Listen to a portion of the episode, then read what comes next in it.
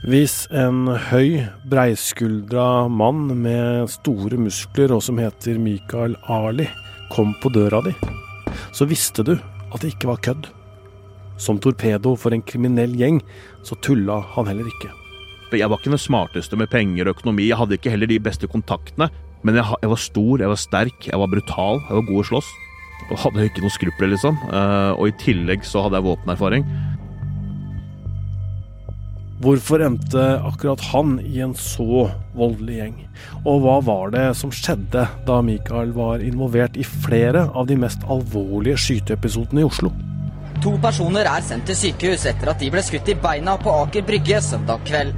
Skuddramaet pågikk på åpen gate, og flere personer havnet i livsfare.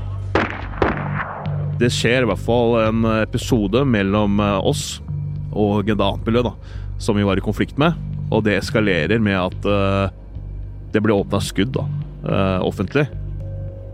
Midt ved kaia der, liksom. Uh, der det er mest folk. der det også sto biler på utstillinger, og det fartes jo små barn, familier.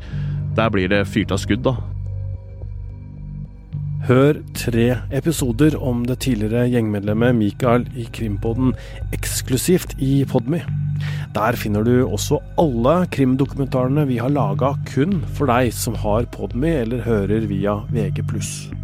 Test gratis i eh, to uker. Jeg brydde meg ikke om om jeg kom til å dø eller ikke. Jeg ville helst dø, så jeg oppsøkte situasjoner. Drep meg, da.